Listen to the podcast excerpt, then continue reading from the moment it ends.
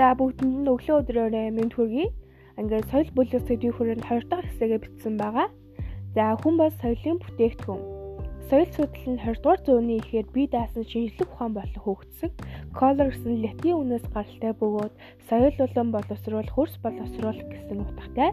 За дэлхийн улс орон бүр өөр өөрсдийн өв боломжлол, ёс заншил шингэсэн өвөрмөц соёлтой байдаг. Тэгвэл манай улсын соёл юунаас бүрддэг бол соёл ямар ямар элементээс бүрддэг вэ? За 1990 оноос Монголд соёлын орчин үеийн нээлттэй тогтолцоо бүрдэж эхэлсэн.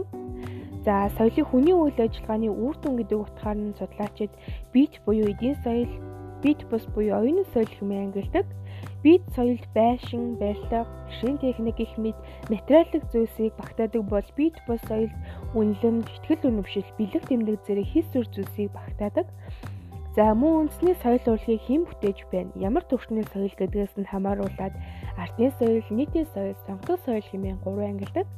За ардын соёл нь тухайн улс үндэсний л гэж хэлж болох өвөрмөц зүйлс юм. За ардын соёл, домог, үлгэр твэс, дуу бүжиг зэрэг нийгмийн бүх давхраа оролцсон бүтээдэг ардын урлаг юм. Харин нийтийн соёл нь хүн бүхэнд хүртээмжтэй байдгаараа онцлогтой. Нийтийн соёлын хамгийн тод илрэл бол эстрадын урлаг. Энэ нь бол хослолын төвчнөөс хамааралгүй бүх насныхан бүх давхраамд хүртээмжтэй байдаг. За мөн нийгмийн элит хэсгийн захиалахад мэрэгжлийн уран бүтээлчид бүтээдэг соёлыг сонгодог соёл гин. За үүнд уран зураг, уран барилга, симфони зэрэг багтдаг. За философичд, социологчид нарын зүгээс соёлд хандах маш олон хандлага байдаг. За жишээлбэл философийн хандлагаар соёлыг хүний мөн чанарыг илэрхийлэх мөн болох талаас нь тайлбарладаг. За соёлын утаснаа нь хүний гих зүйлийг амьтны гих зүйлээс ялгах хязгаар болж өгдөг гэдгийг онцлон үздэг. За үүнээс үзэхэд соёл нь хүмүүст бидэнтэй саршгүй холбоотой бөгөөд а бид соёлыг бүтээж мөн соёлч биднийг бүтээж байдаг. За соёл нь хэл, үнэлэмж, ёс заншил, хим хэмжээ, мэдлэг гэсэн үндсэн 5 элементээс бүрддэг. За тэмдгийг илэрхийлж буй даалт утгыг бэлэг тэмдэг буюу бэлэгдэл гэж нэрлэнэ.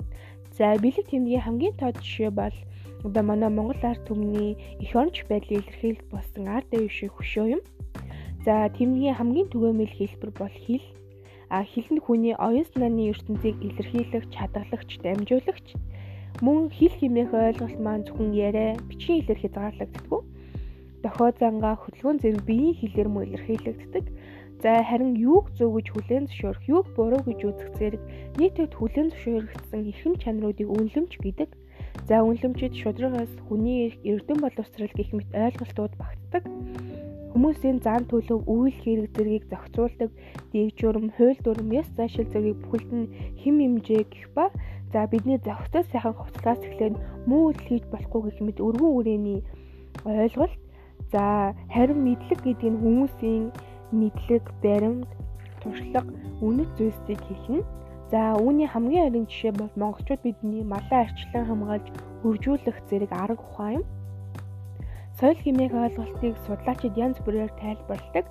За миний бодлоор түүнээс хамгийн оновчтой тодорхойлолт бол Британий засгийн зүйч Эдвард Тайлерийн соёл нь хүн нийгмийн гишүүн болохын хувьд эзэмшдэг мэдлэг, итгэл үнэмшил, урлаг, ёс суртахуун, хууль, зан заншил болон бусад дадлуур чадлуудыг багтаасан цогц бүхэл юм а хэмээн үздсэн байдаг.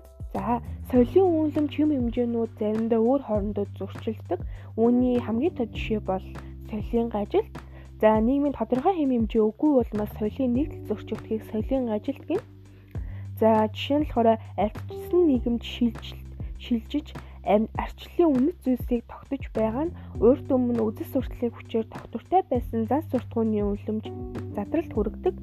За тухайлбал өнөөгийн нийгэмд гэр бүлийн салалт ихсэг нь гэр бүлийн үнэт зүйлсийг тогтворгүй болгож байгаагийн хамгийн тод илрэл болно.